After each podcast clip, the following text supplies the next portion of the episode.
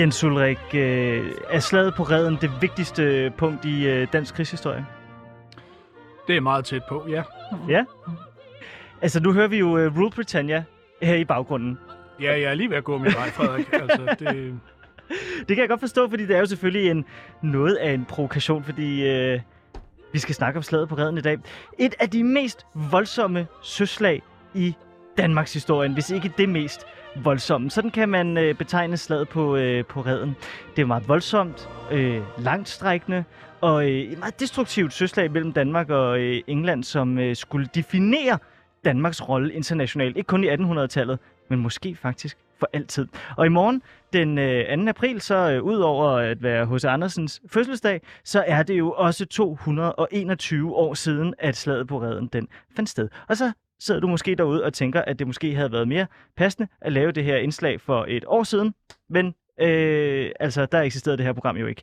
Og fordi at jeg elsker søslag, flodhistorie og 1800-tallet, så udnytter jeg altså fuldstændig skamløst den her mulighed for at få lov til at lave en hel time om slaget på redden til, øh, ikke kun til mig, men også til dig derude, der kun kender slaget af navn, og, men ikke rigtig ved, hvad der foregik.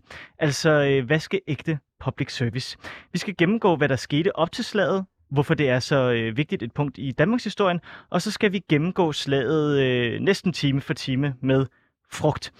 Mit navn det er Frederik Vestergaard. Rigtig hjertelig velkommen til Frederiks Værk her på 24 /7.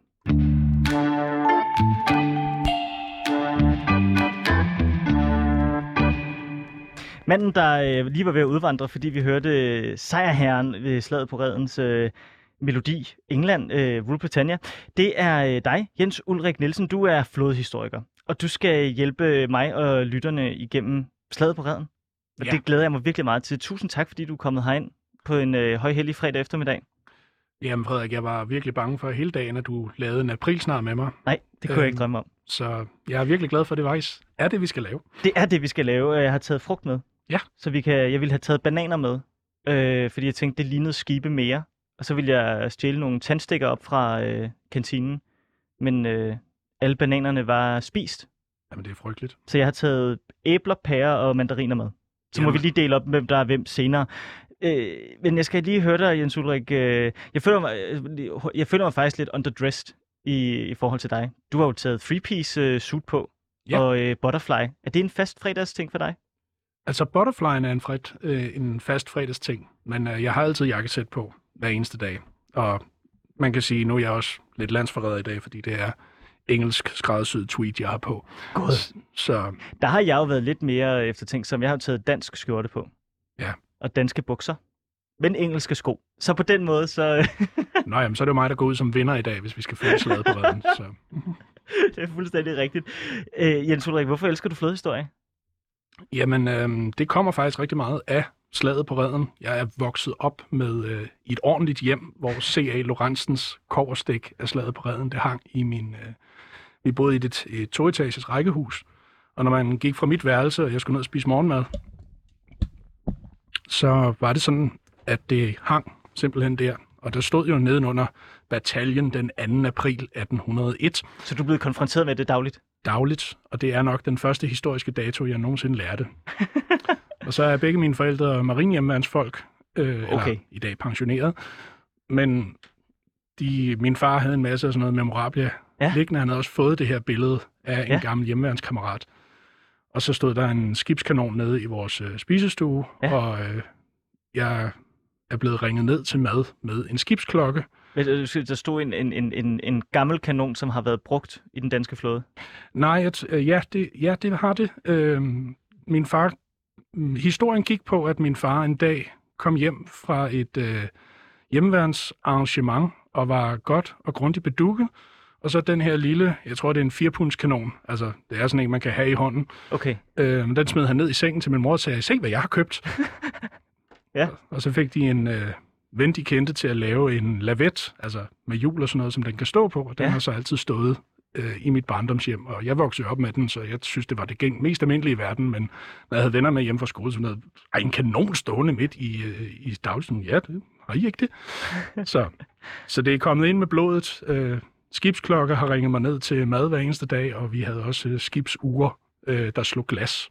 Hold da op. Så øh, selvom jeg ikke har nogen nævneværdige søhelte i min, i min familie, Du Så- ikke Tordenskjold til efternavn. nej, det gør jeg ikke. Men jeg synes, det, altså alt det, du fortæller nu, det gør dig jo meget, meget egnet til at, øh, at fortælle om slaget på redden her. Øh, jeg vil sige, jeg, jeg troede, jeg var glad for flådehistorie. Men jeg kan da godt høre, at jeg har lidt at skulle øh, leve op til nu. Hvor mange skibe og sådan noget har du selv hjemme i din private øh, bolig? Jamen, øh, jeg er ejer af tre Playmobil skibe. Ja. Hvor det ene er det oprindelige sørøverskibsmodel 1978. Ja. Og det andet er mit eget, som jeg fik, da jeg var 6 år gammel i julegave af min far. Ja. Som jeg har passet meget godt på og restaureret lidt. Øh, og så har jeg et, et sidste skib, som er et, øh, som er, hvad skal man sige, flådens skib, som er sådan et lille etmastet øh, jagt. Har Så- du nogensinde opført slaget på redden derhjemme? det har jeg, ja. Ja. Øh, man kan ikke lade være. Det er sådan, når man har så mange skibe, man rent faktisk kan lægge på linje, øh, så har jeg lavet en hel del dioramaer i Playmobil. Har du nogensinde lavet sådan en, øh, sådan en Jens Ulrichs fanfiction, hvor at Danmark vinder? Nej. Nej. Det, øh, det kræver den historiske korrekthed, at slaget på redden, vi tabte med ære. Okay, med ære. Ja. Lad os lige holde fast i det. Fordi det, det vil jeg godt øh, hænge dig op på senere. Jeg synes, vi skal prøve at dykke lidt ned i øh, slaget.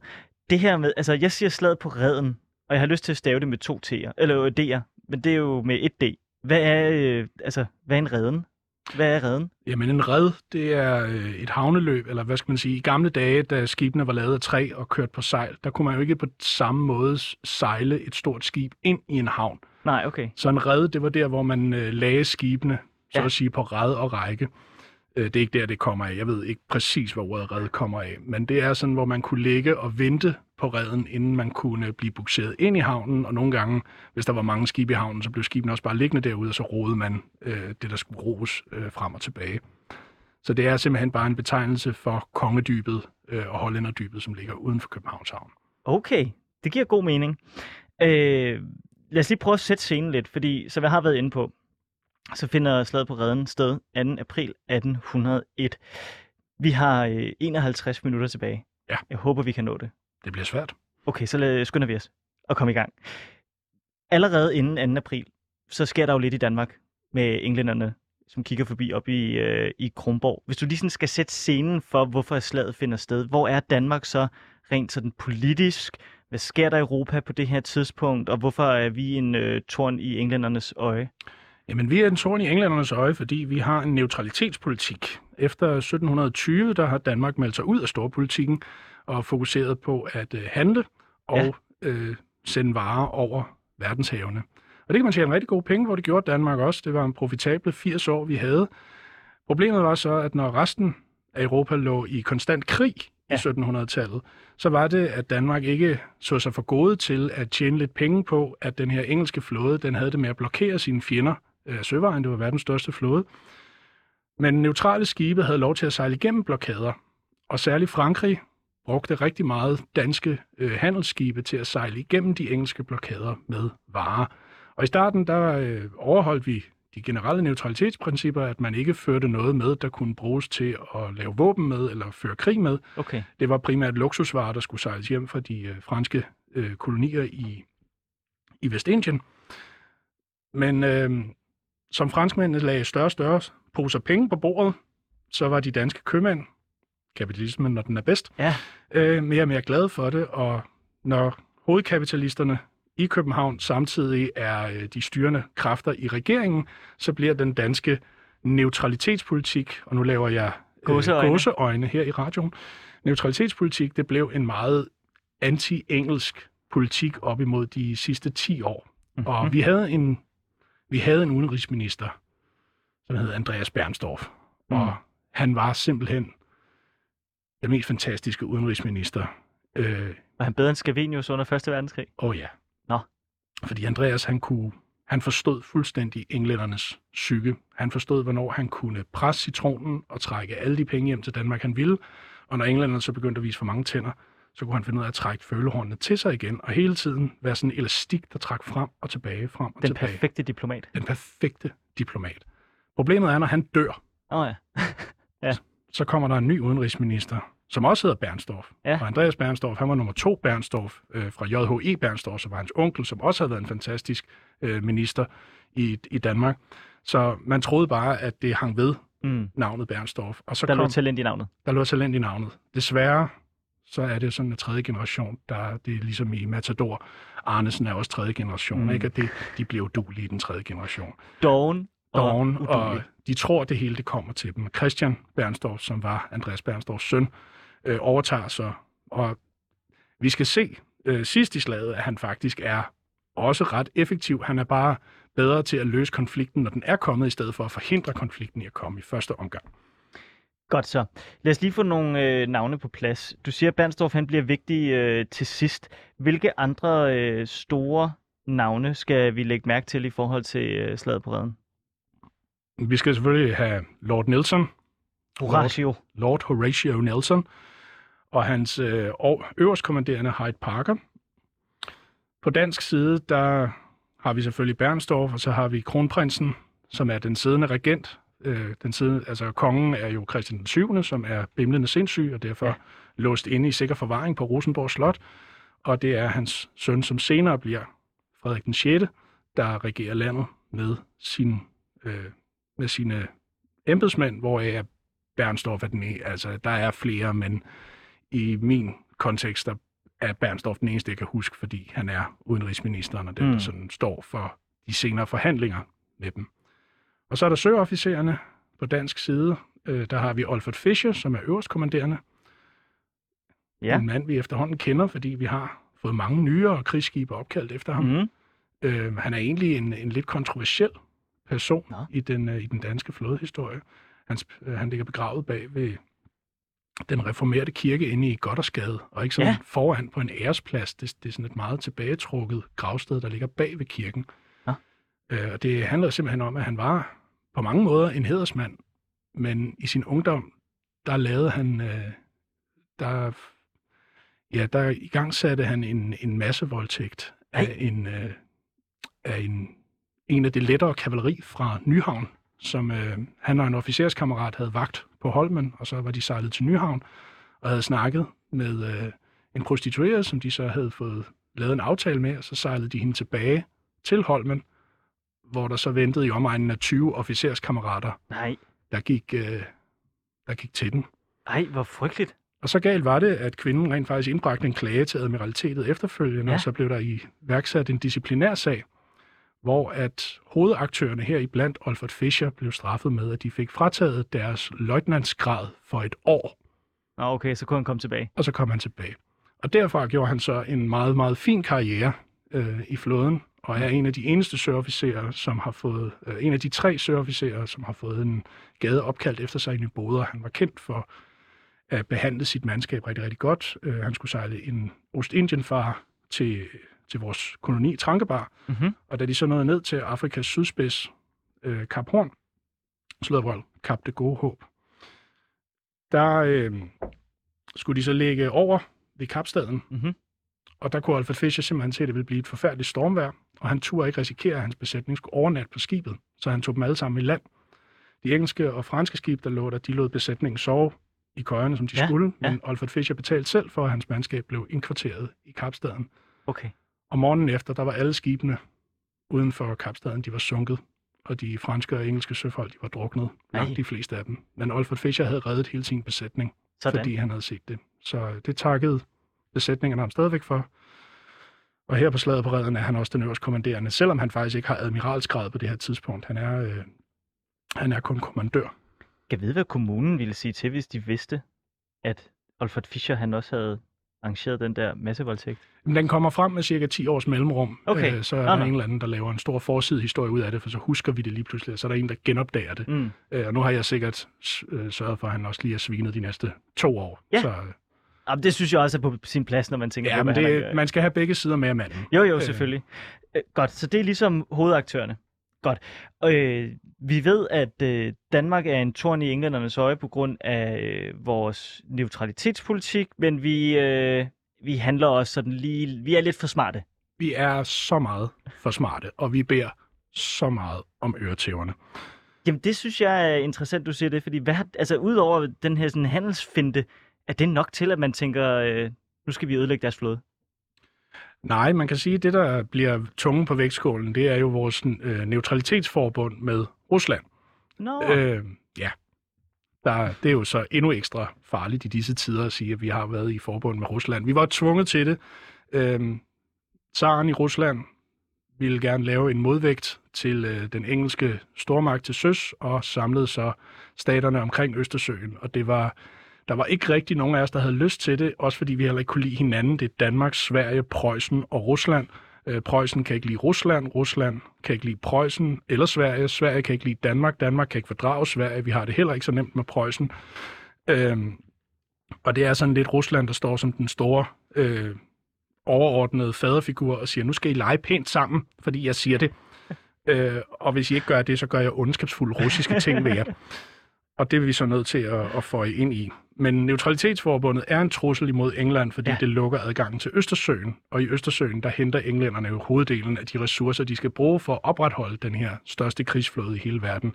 Øh, tjærebej og, øh, og tømmer henter man i store øh, grupper fra de baltiske øh, lande. ja, og det er jo fordi England er i krig med Napoleon.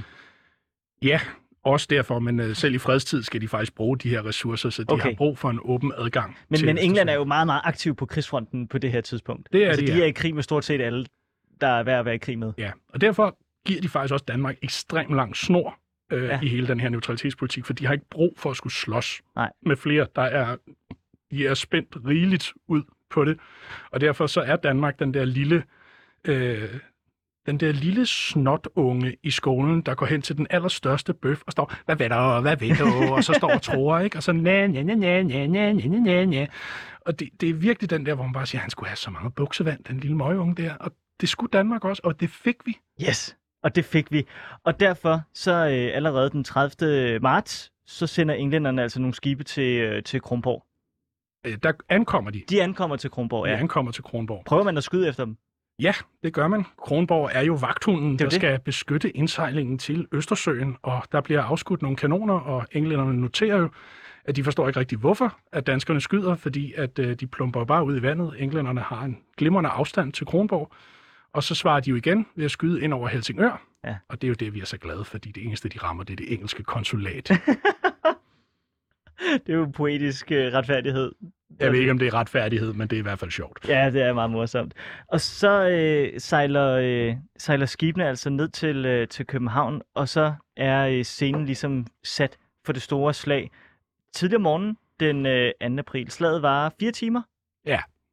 4-5 timer. Ja. Starter øh, ved en øh, nitiden. 10. 10, undskyld, yes.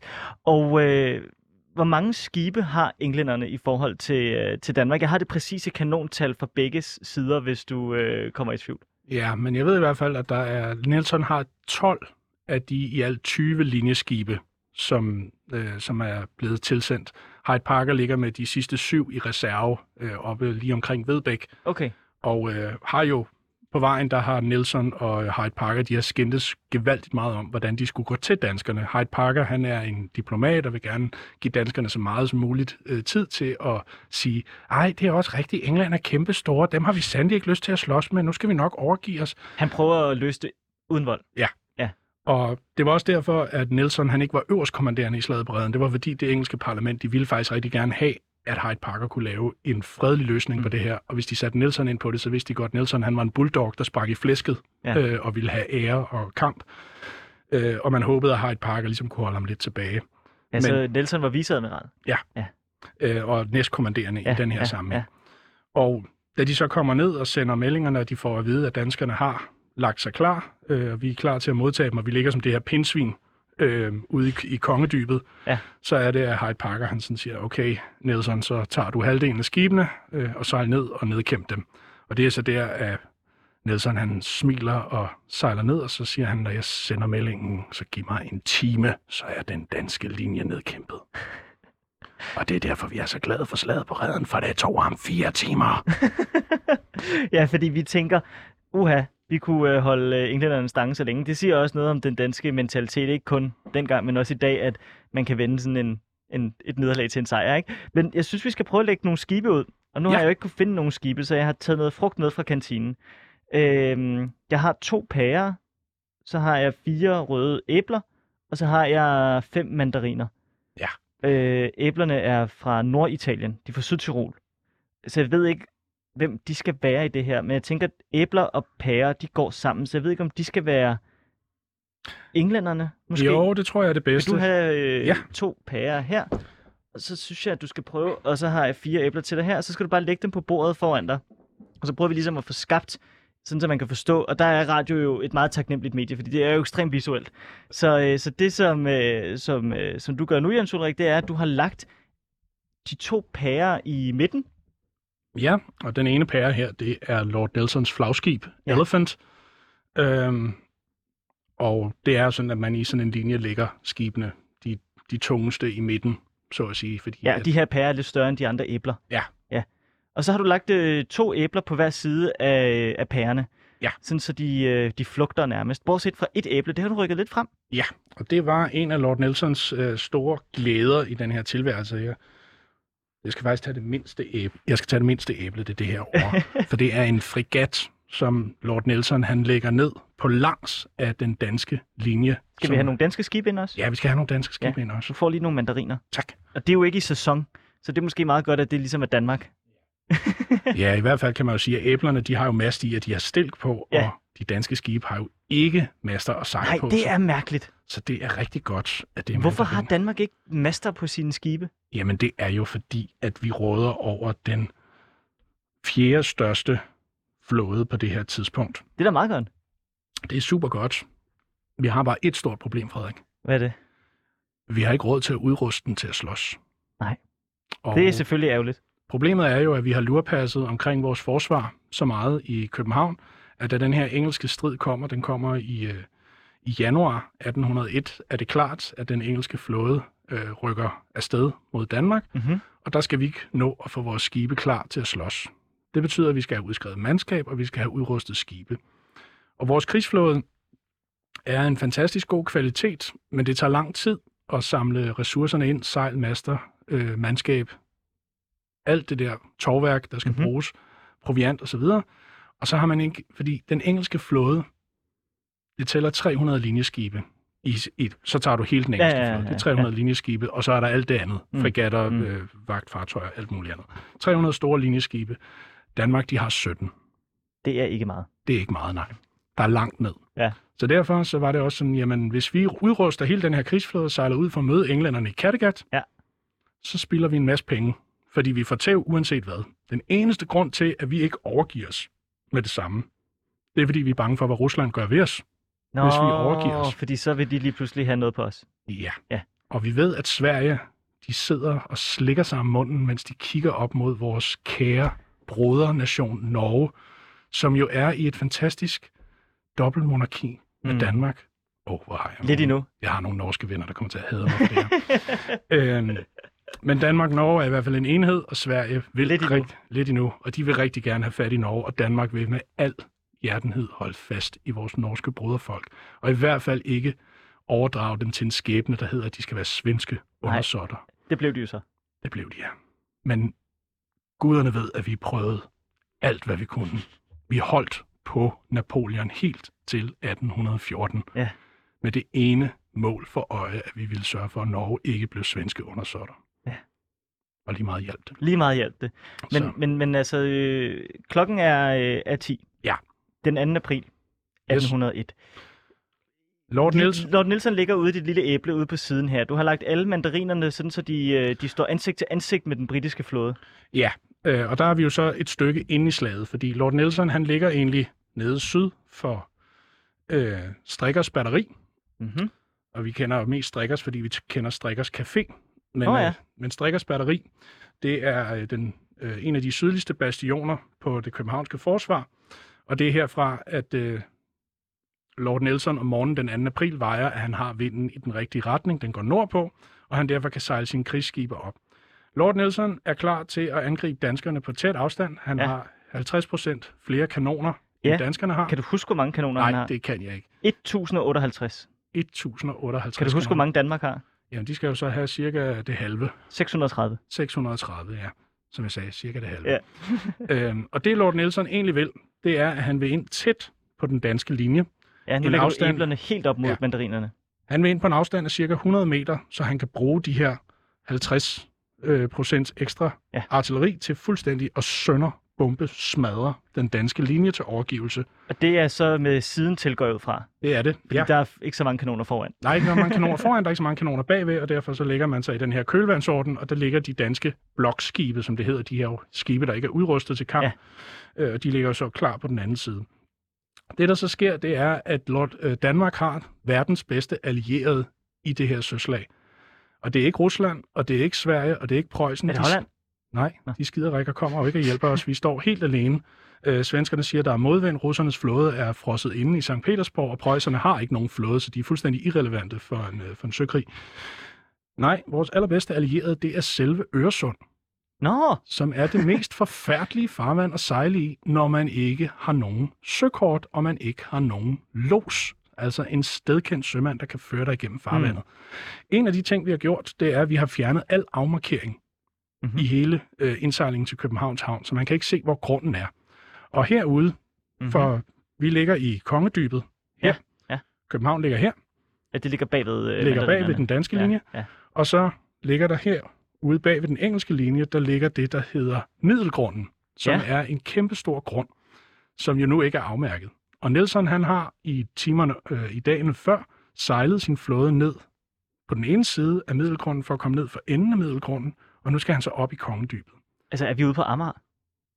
Eller er dit gader på Amager opkaldt efter? De er opkaldt ah, okay, efter godt, det ja, okay, godt, ja. Det er også derfor, jeg skal have præciseret det, når jeg engang dør, og jeg gerne vil strøs i kongedybet, så mener jeg ikke gaden. Nej, Øh, jeg mener, ved Tjungsgrill. ja, nej, det går ikke. Nej. Der vil jeg ikke ligge. Nej. Øhm, men Lord Nelson, han vil altså ind på den danske linje. Det han ikke ved, Ja. han ved ikke, hvor den danske linje ligger. Han kan se den, men han ved ikke, om vi Nå. ligger ude i kongedybet, eller om vi ligger inde på Revehalen, øh, Refshale, øh, grunden, som er det, der er Refshaleøen i dag, Mhm. mm-hmm. men dengang var sådan en sandbanke under vandoverfladen. Har vi stødt vores skib på grund der og ligger klar til at tage ham, eller ligger vi ude i kongedybet? Ja. Vi ligger ude i kongedybet. Det ved Lord Nelson heldigvis ikke. Så han har to grunde, han skal Mhm. forbi, og ja. han ved ikke, hvor de er. Så det, der er fordelen for os, det er, at da Lord Nelson sejler op den 2. april, der går hans første tre linjeskibe, de går på grund Nej, på middelgrunden, sejler pinligt. fast i den. Jeg ved ikke, om det er pinligt, men det er i hvert fald heldigt øh, for os, for det betyder, at han er nødt til at lave en ny slagplan. Mhm. Mm-hmm. Det siger så også noget om Lord Nelsons genialitet, når man efter at have sat et søslag i gang og har lavet en plan for alle skibene, så sejler man afsted, og så går den plan fuldstændig i smadret, fordi dine forreste tre skibe, de går på grund, og så skal du sende en ny sejlplan ud til alle de her 12 linjeskibe. Oh, ja. Øh, ja, det vil jo så sige de her otte linjeskibe, ja. der er tilbage.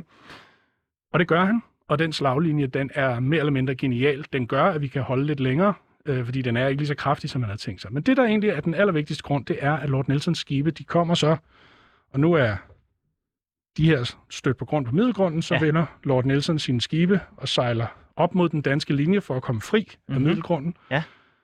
Men hvor ligger skibene? Han laver opmålinger hele vejen, og lige pludselig, så rammer hans forreste skib en sandbanke med deres opmålingsinstrument, der gør, at de mister seks fagne vand i en måling. Skibe flytter sig, man kan ikke stoppe dem, det er sejlskibe. Du er nødt til at reagere på det, du oplever. Ja. Fordi de rammer den sandbanke, så antager man, at det danske skibe ligger inde på middelgrunden, og derfor så retter skibene op og kommer til at ligge i en afstand af 300 meter. ikke de den ønskede afstand. Ikke de ønskede 100 meters. Nej. afstand, men 300 meters afstand. Og artilleri i 1800-tallets begyndelse, det er altså glatløbet kanoner, der skyder med runde kanonkugler, og det betyder, at jo længere afstanden bliver, jo mere upræcis. Man har ikke morter. Man har ikke mot- øh, jo, det har man, men øh, det bruger man sjældent til søs, og det bruger man til at bombardere byer med. Okay. Øh, problemet med morterer, det er, at rekyleffekten den går ned mm. i fartøjet Nå ja. øh, og ødelægger det langsomt. ja. Og præcisionen er øh, endnu værre med en morter, end det er med en kanon. Ja. Øh, du kan ikke ramme. Du skal, Ja, ja. Det, du, skal have noget, du skal have en by at skyde efter, når du skyder med En morter. meget stationær by. Ja, og så har du 50% chance for at ramme den. Ja. øh, så det bruger du ikke til søs. Der bruger du kanonerne, men på 300 meters afstand, der er det simpelthen øh, ud øh, form. Altså der er øh, der betyder de her 50% mere kavaleri, øh, artilleri, som Lord Nelson har. Det betyder ingenting, Nej. fordi at afstanden gør, at det ikke bliver lige så brugbart. Og det er en af hovedårsagerne til, at vi holder ud i de her fire timer. Hvad er klokken på det her tidspunkt? Cirka. Uh, jeg tror, den er ved at være 11. Okay, så det er den første time? Ja. Godt. Hvad sker der så? Jamen, øh, så lægger Lord Nelson sine skibe ud, således hver eneste skib har fået udpeget en modstander, Mhm. og øh, lægger sig så og slås med dem. De danske skibe er, udstyr, er udrustet med øh, udskrevne søfolk fra øh, hele Danmark og fra Norge. Øh, vi har 1500 nordmænd, der er vandret øh, fra Norge på deres fødder, mange af dem barfodet, i marts måned Du godeste. hele vejen ned fra vores kære broderland Norge. Og fordi Sverige så er vores allierede på papiret, igen i gåsøjne, Mhm. mm-hmm. så har nordmændene fået lov til at vandre ned i det. Og det var en dagsmarsch på 40 kilometer. Det er meget. Og så ellers bare Uden fodtøj. ja, uden fodtøj hele vejen ned til Danmark. Men 1500 af dem nåede ned Ja. øh, og var med i slaget på redden. Og de udgør altså den del af de cirka 5.500 søfolk, som deltager i slaget på redden på dansk side. Og øhm, de er så udskrevet på de her fartøjer. De har meget forskellige øh, krigserfaring.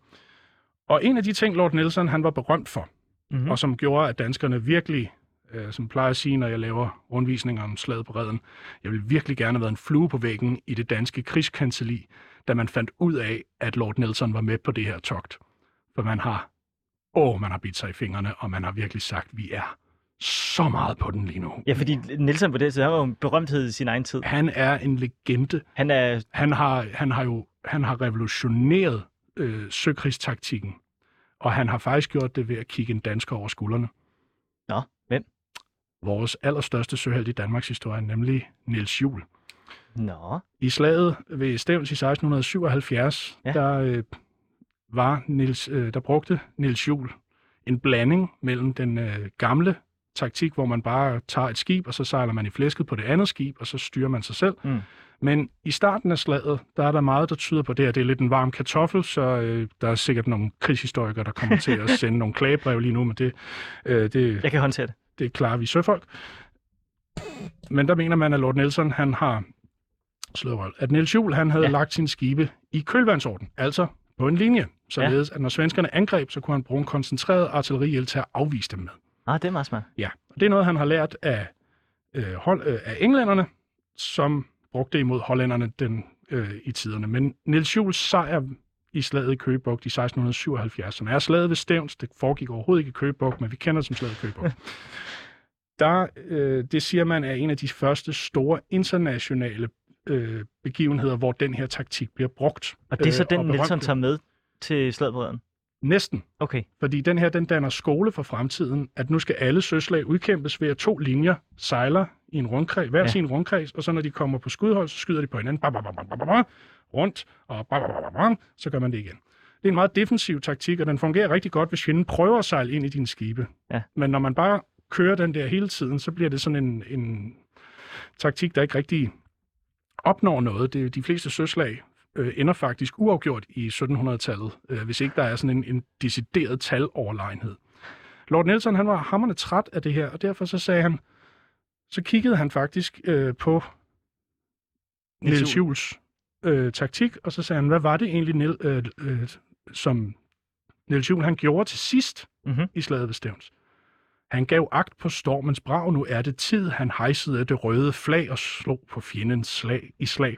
Og det han gør, det er simpelthen, at han lige pludselig får medvind, og så sejler han sine skibe ned igennem. Nå, han bryder linjen. Han bryder linjen ned Og lige nu, der har du lagt, det er meget, ser meget dramatisk ud. Du har simpelthen lagt alle mandarinerne, som om at de sådan, ja, penetrerer æblerne ved øh, pæren Præcis. Wow. og bryder en... Øh, Og de bryder ind i linje, linjen, ja. ja. så svenskerne bliver isoleret, og man manøvrerer og låser den bagerste del af den svenske linje inden. Lang historie kort. Nelson sagde, det er det der, der skal til for at vinde slaget, det er, at man sejler ned igennem linjen på et Mhm. tidspunkt. Så han var kendt for at bryde linjerne. Ja. Og derfor så havde danskerne i slaget på redden, fordi vi har læst op på vores lektier, vi har lært, at Lord Nelson, han er sådan en, sådan en linjebryder. en linjebryder, ja. Øh, så vi skal sørge for, at der er så tæt i vores linje, at han ikke kan komme igennem. Ja. Og det har vi så gjort ved, at vi finder alt, hvad vi har af små fartøjer, og det lægger vi ind imellem vores store blokskibe. Det er nu ikke så dumt. Det er nemlig ikke så dumt, men her er nok dem, jeg har allermest ondt af i slaget på redden. Fordi lige herinde, over for Lord Nelsons flagskib Elephant, der ligger der noget, der hedder flådebatteri nummer 1. Og det er en prototype, som er lavet af en gammel øh, skibsbygger på Holmen, som hedder Henrik Gerner. Og det var en stor tømmerflåde, Ja. udrustet med øh, 20 af de tungeste kanoner, vi havde i den danske flåde. Jeg tror, det er 36 punds øh, kanoner. Og den ligger her. Og der fandt man ud af, hvorfor det var, at vi aldrig masseproducerede flådebatteri nummer 1. og det er, at øh, når den ligger ude i søen med alle 20 kanoner på, så ligger den så tungt i vandet, at mandskabet står i vand til anklerne. Ej. Barefodede danske søfolk har stået på den her tømmerflåde, der har, hvad der svarer til et hvidt stakit som forsvar rundt om de her kanoner, over for en tredækker engelsk linjeskib med den største krigsmand i engelsk historie. Det er ubarmhjertigt. Det er ubarmhjertigt. Og chefen på det her fartøj, 17 år gammel, Villemos hedder han. Ja. Han står her på flådebatteri nummer 1, og i tre timer, tre timer, Ja. kæmper han mod Lord Nelsons flagskib. Wow, det synes jeg er meget sejt. Det er mega sejt. Overlevede han? Ja, ja, Ja. og det er den eneste grund til, at han er indgået i den danske øh, søheltekanon. Ja. Øh, det er, at han lever, øh, han overlever. Han kommer fra Fyn. Øh, de er sejlede, de fynboer. og her, der står han, og det der sker, det er, at det store linjeskib ved siden af ham, det bryder i brand på et tidspunkt. Ja. Og der har han lov til, fordi nu, er han, nu har han ikke nogen dækning længere. Nej. Så derfor så har han lov til at kotte sine, altså skære sine ankertår over og drive ind mod land. Men Villemos, han holder sin besætning øh, i kampen en time til imod øh, Lord Nelson. Og Lord Nelson kan ikke ramme ham, fordi han ligger så lavt i vandet, så hans kanoner kan simpelthen ikke få faktisk- nok på at sjovt. skyde ham. Vi rammer heller ikke så meget på ham, men vi Næh. får et par skud ind. Øh, og øh, det er sådan blevet symbolet på slaget på redden. Det er David mod Goliat Ja, ja, ja. øh, i den her øh, fantastiske situation. Men lad os lige hurtigt blive lidt ved Ja. de her mennesker, der er på, på båden, eller skibene, fordi jeg, det må være så forfærdeligt at være på sådan en, øh, et, et Det, altså, det er det tætteste, du kommer på helvede på altså jord. larmen fra kanonerne, ikke? Der er ingen plads Der er til ingen noget plads, som helst. der, Der, er er mørkt og lavt til loftet. Det, det må have, den, den larm må have været... Altså, du må være blevet døv efter øh, en omgang. mindst. Øh, og ja, lyden, blodet, træsplinter, Ja. der flyver til højre og venstre. Og så det faktum, at over halvdelen af de her folk, de har aldrig stået på et skib før. Nej. De har aldrig, de har ikke nogen krigserfaring. Øh, de allermest uheldige, de er ankommet til København og har fået udstationeret på deres skib den 1. april. Bliver de sidste mandskab sat ombord Ej. på deres fartøjer, og de er heldige, hvis de har fået en times instruks i, hvordan de skal administrere den her 1200 kilo store kanon, Ja. hvor den vigtigste besked er, når den skyder, så hopper den bagud, Ja. så du skal flytte dig, for ellers så dør du. Øh, eller får knust dine fødder, eller hvad der er værre. Ja. Så øh, det er et vanvittigt psykisk pres, der er på det her. Det er også noget, englænderne har anerkendt øh, rigtig meget i slaget på redden øh, efterfølgende. Det er, hvor meget danskerne egentlig er i stand til at holde den her skudkadence, altså skud i, øh, nu vil jeg ikke sige minuttet, fordi vi kan ikke affyre flere skud i minuttet, Nej, nej. men, øh, men skuddene, de bliver ved med at ramme, og englænderne, de er sådan lidt, det er vildt, at et ikke professionelt mandskab kan holde øh, Mm. en iver, der er så kraftig. Jens Ulrik, tiden den, Ja, øh, den er flyver jeg afsted. Øh, vi skal nå frem til, øh, at der, øh, der kommer et, øh, et nedbrud af den danske linje. Vi skal ind i slagets sidste fase. Vi skal ind i slagets sidste fase. Og øh, det, der sker, det er, at øh, Nu er klokken sådan 13. ja, nu Ja. ja. klokken 13, øh, der er gået tre timer, og oppe ved Vedbæk, der ligger Hyde Parker, og han har jo sagt til sig selv, eller til sin næstkommanderende, det er dog en djævelsk lang time, Nelson er om det her. Han Ja, for han havde jo sagt, jeg skal kun bruge en time. Ja, jeg skal kun bruge en time, nu er der gået tre. Øh, og derfor så sender han flagsignaler ned til Lord Nelson om, at Lord Nelson skal trække sin skibe ud af kampen, og så vil Hyde Parker sejle ned og gøre arbejdet færdigt. Diplomatisk. Diplomatisk. Yes. Lord Nelson, han bliver stiktosset. Øh, Det er hans ære, der er på spil. Han er sejrherren fra Nilen. Han har sænket hele den franske middelhavsflåde. En hver spansk, øh, en hver spansk fiskerbåd frygter navnet Nelson. Ja. Han skal ikke hjem til England og få at vide, at han har været nødt til at trække sig tilbage over sådan en flok dansk-norske bundeknolde. Øhm, så det han gør, det er, at han tager sin kikkert og sætter den for det øje, han ikke har. Øh, Ja, det er blevet skudt ud i Nilen. Ja, øh, ikke lige ved Nilen, Nå, okay. men han har mistet øjet, han har mistet den ene arm, og han sætter kigger den for det blinde øje, og så siger han til sin ekskommanderende, jeg kan ikke se, hvad den øverste kommanderende bef- befaler mig at gøre, så kan jeg heller ikke adlyde. Jeg har mistet mit ene øje i kamp, jeg har lov til at være blind en gang imellem. Og så øh, sender han et andet flagsignal til hele sin linje, der bare siger, Vi fortsætter, vi kæmper. Og Lord Nelson, han er tosset. Øh, ikke kun på Hyde Parker, han er også tosset på de her fnatmide danskere, der ikke bare kan finde ud af at overgive sig. Al ære er trukket ud af det her søslag for længe siden. Det er, Altså, det ved at være sådan lidt en pinlig fase. det er en pinlig fase, fordi de der danskere ikke vil overgive sig. Ja. Det er blod, unødvendigt blod, der bliver udgydt her, øh, og det har ikke andet formål end at bløde den danske linje til overgivelse. Det er, det er imod alle ærens principper ifølge øh, Lord Nelson, mm. og det er selvfølgelig, fordi han havde regnet med at få en, en let sejr. Mm. Så nu må der andre boller på suppen, øh, og den danske linje er ved at være rigtig godt medtaget. Ja, der er de Øh, der er nogle myter om, at øh, hvis øh, vi bare var blevet ved med at kæmpe, så havde vi sejret. Det havde vi ikke.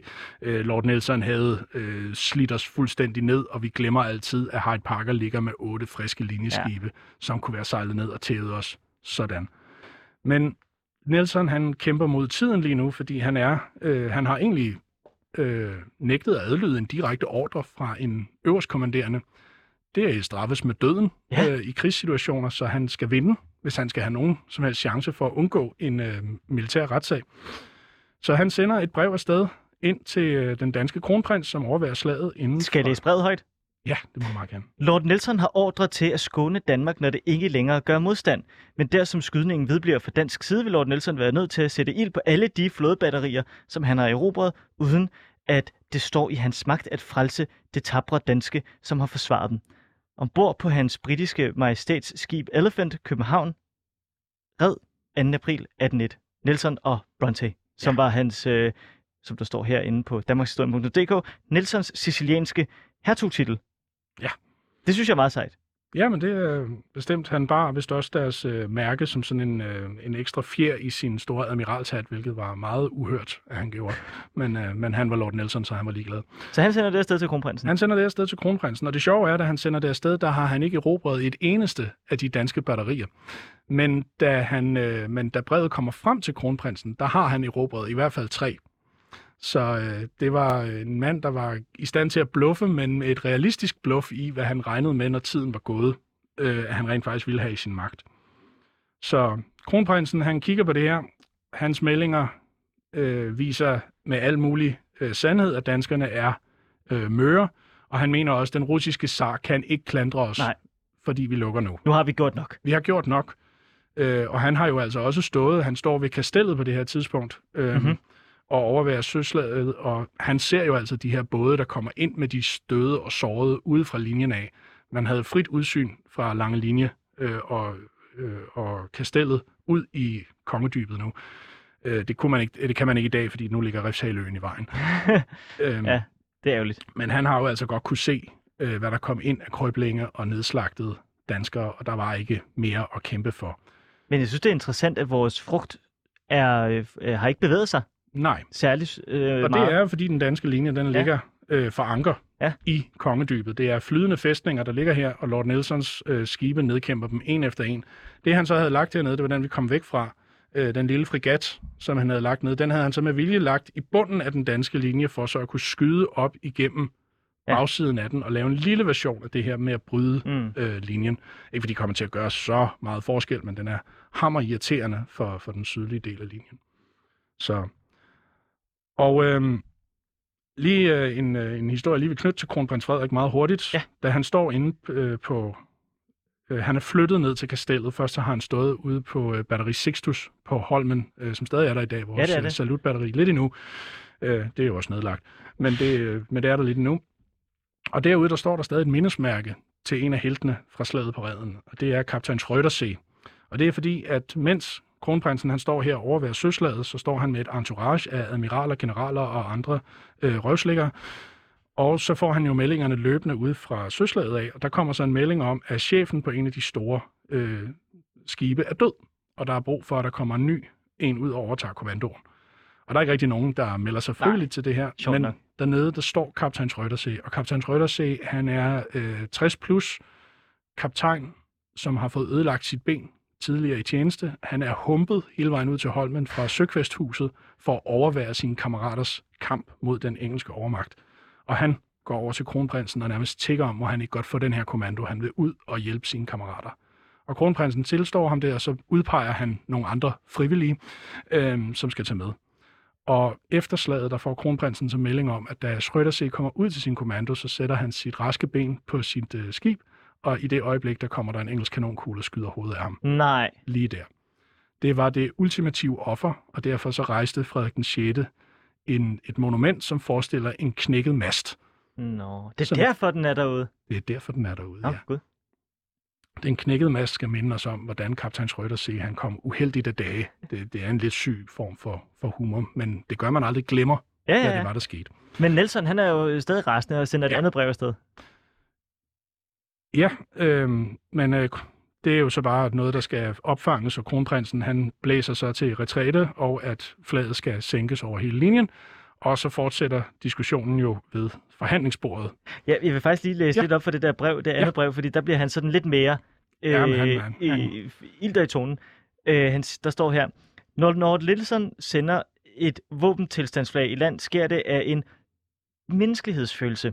Han samtykker derfor i, at fjendtlighederne ophører, indtil han kan få fangerne bort fra de tagende skibe. Han samtykker i at landsætte alle de sårede danske og i at brænde eller bortføre sine priser.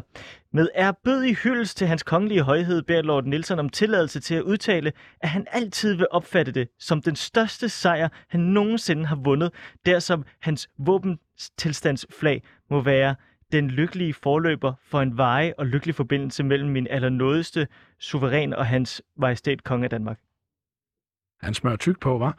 Ja, det gør han virkelig. Han kaldte jo også sin hest for Copenhagen. Ja, det gjorde han. Øh, og det var det værste slag, han nogensinde havde udkæmpet. Øhm, og han havde alle mulige respekt for, for danskerne efterfølgende. Skal vi bruge de sidste syv minutter på at tale om øh, efterspillet? Det skal vi nemlig. Fordi Øh, nu har Danmark tabt. Nu har Danmark tabt. Vi har strøget flaget over hele linjen, og vi har bare stadigvæk et forhandlingsgrund. Nu skal vi forhandle med englænderne. Slaget slutter ikke den 2. april, fordi englænderne har faktisk kun et krav til os. Ja. Og det er, at vi træder ud af neutralitetsforbundet med Rusland. Det tør vi ikke. For hvad gør Rusland ved dem, der vender dem ryggen? De smadrer dem. De smadrer dem. Og endnu værre, de støtter Sverige til at erobre Norge. Så det går ikke. Nej. Og vi venter. Vi har ikke fået nogen meldinger fra St. Petersborg i rigtig lang tid. Og vi venter simpelthen på at få et eller andet livstegn og en eller anden bekræftelse på, at der ikke kommer til at være konsekvens ved, at vi trækker os ud. Derfor så forhaler vi. Lord Nelson og Hyde Parker, de øh, har gentagende møder med kronprinsen, øh, blandt andet på Amalienborg Slot. Og de, hver eneste dag, de møder, så står Christian Bernstorff, udenrigsministeren, og fortæller dem, at vi har ikke lige fået vores engelske tolk med i dag. Åh nej, øh, vi bliver nødt til at se, øh, gøre det igen i morgen. Øh, vi mangler lige de sidste meldinger nu.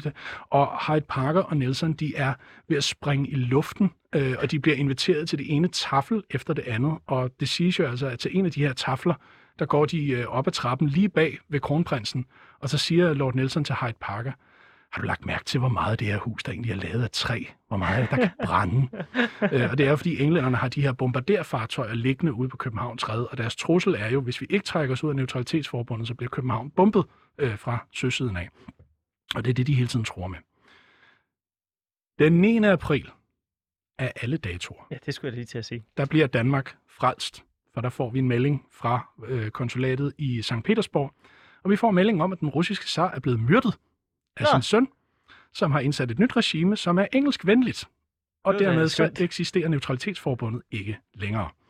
Øh, og kronprins Frederik han går ind til øh, Lord Nelson, og det siges, at det fungerede sådan med, at han nærmest kom med hatten i hånden, og så sagde han, ja, med fare for, hvad der dog kan ske for mit arme land, så må jeg jo bøje mig for den engelske overmagt, og jeg underskriver hermed traktaten og trækker Danmark ud af det væbnede neutralitetsforbund. Må Gud se til vores side.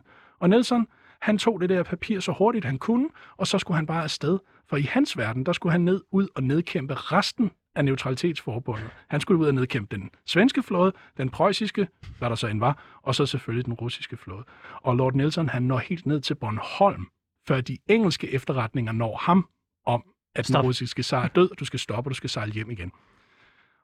Og det aller værste, Frederik, Hvad Ved er du- det? ved du, hvornår den russiske zar blev myrdet? Mm. Den 30. marts. Nej, det er jo først slaget. Ja, Nej. jo.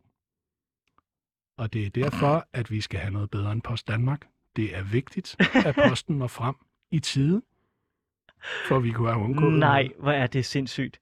Ja. Hvor er det sindssygt. Alt det, der har lagt grund til sådan hele Danmarks selvforhærdigende og små sådan storhedsvandvid lille fisk i en stor øh, hvad hedder det, dam, det, er, det kunne have undgået med hurtigere post. Med hurtigere post og melding, ja. God.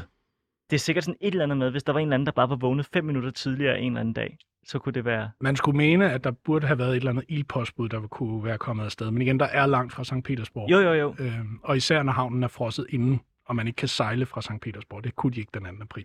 Gud, hvor er det vildt. Det vidste jeg slet ikke. Nej, men det, det var en af de der, hvor jeg selv som historiker læste første gang, og så sad jeg og lavede matematikken op i hovedet, ligesom jeg kunne Ja. se, du gjorde. Ja, så ja. De var jo før. ja, det var det. Ej, mit, ja, mit hoved eksploderer nu. Jens Ulrik, det var fuld... Det var sådan helt, du ved, ligesom da man en Christopher Nolan-film. Ja. Og så til sidst, gud, wow. Den bliver ved med at spænde. Ja, præcis. Vi har to minutter tilbage, Ja. Jens Ulrik. Jeg vil godt tænke, at du lige hurtigt til allersidst lige knytter en øh, kommentar til, hvorfor at øh, Danmark nationalitetsidentitet er knyttet op omkring det her øh, nederlag. Det er det jo, fordi at vi er på randen af den danske øh, nationalisme og romantik. Ja. Øh, de næste 100 år bliver rigtig, rigtig hårde for Danmark. I 1807 bliver vores hovedstad bombet, og vores legendariske flåde bliver taget fra os. I 1813 går staten bankerot. I 1814 mister vi Norge. I 1848, yay, vi har en lille treårskrig, som vi vinder. I 1851, og vi får en grundlov, dejligt. Og så i 1864, småkage tilbage. Øh, hele Ja. Sønderjylland bliver taget fra os. Og i al den her periode, der er mentaliteten hos Danmark jo været udad til tabes, skal indad til vindes. Og vi har ligesom den der ene start. Året var 1801. Vi mødte den største kriger, den største og stærkeste flåde i verden, kom og bød os trods, og vi mødte dem med åben pande. Der er ikke nogen i Danmark, der bøjer nakken, når man siger 2. april. Alle ved et eller andet sted, det er noget, vi er stolte af. Det er noget, mm. Og i historiebøgerne helt op i 1980 står der jo, at vi vandt slaget på redden. Teknisk set, fordi Lord Nelson hejste det hvide flag Mm. først, og det var ham, der bad om pardon, og alt det der plader. Øh, vi fik kodylbank, men vi har simpelthen fake newet os øh, igennem 100 år til, at det der det var en sejr, og først i moderne tid med Ole Felbæks fantastiske bog om slaget på redden, øh, som er det mest almindelige hovedværk, man skal bruge, hvis man gerne vil læse det. Mm. Øh, det er først ham, der sådan rigtig lægger låg på det. Jeg tror næsten, han starter med det i foråret og siger, lad det være sagt med det samme. Vi tabte slaget på redden, men vi tabte med ære.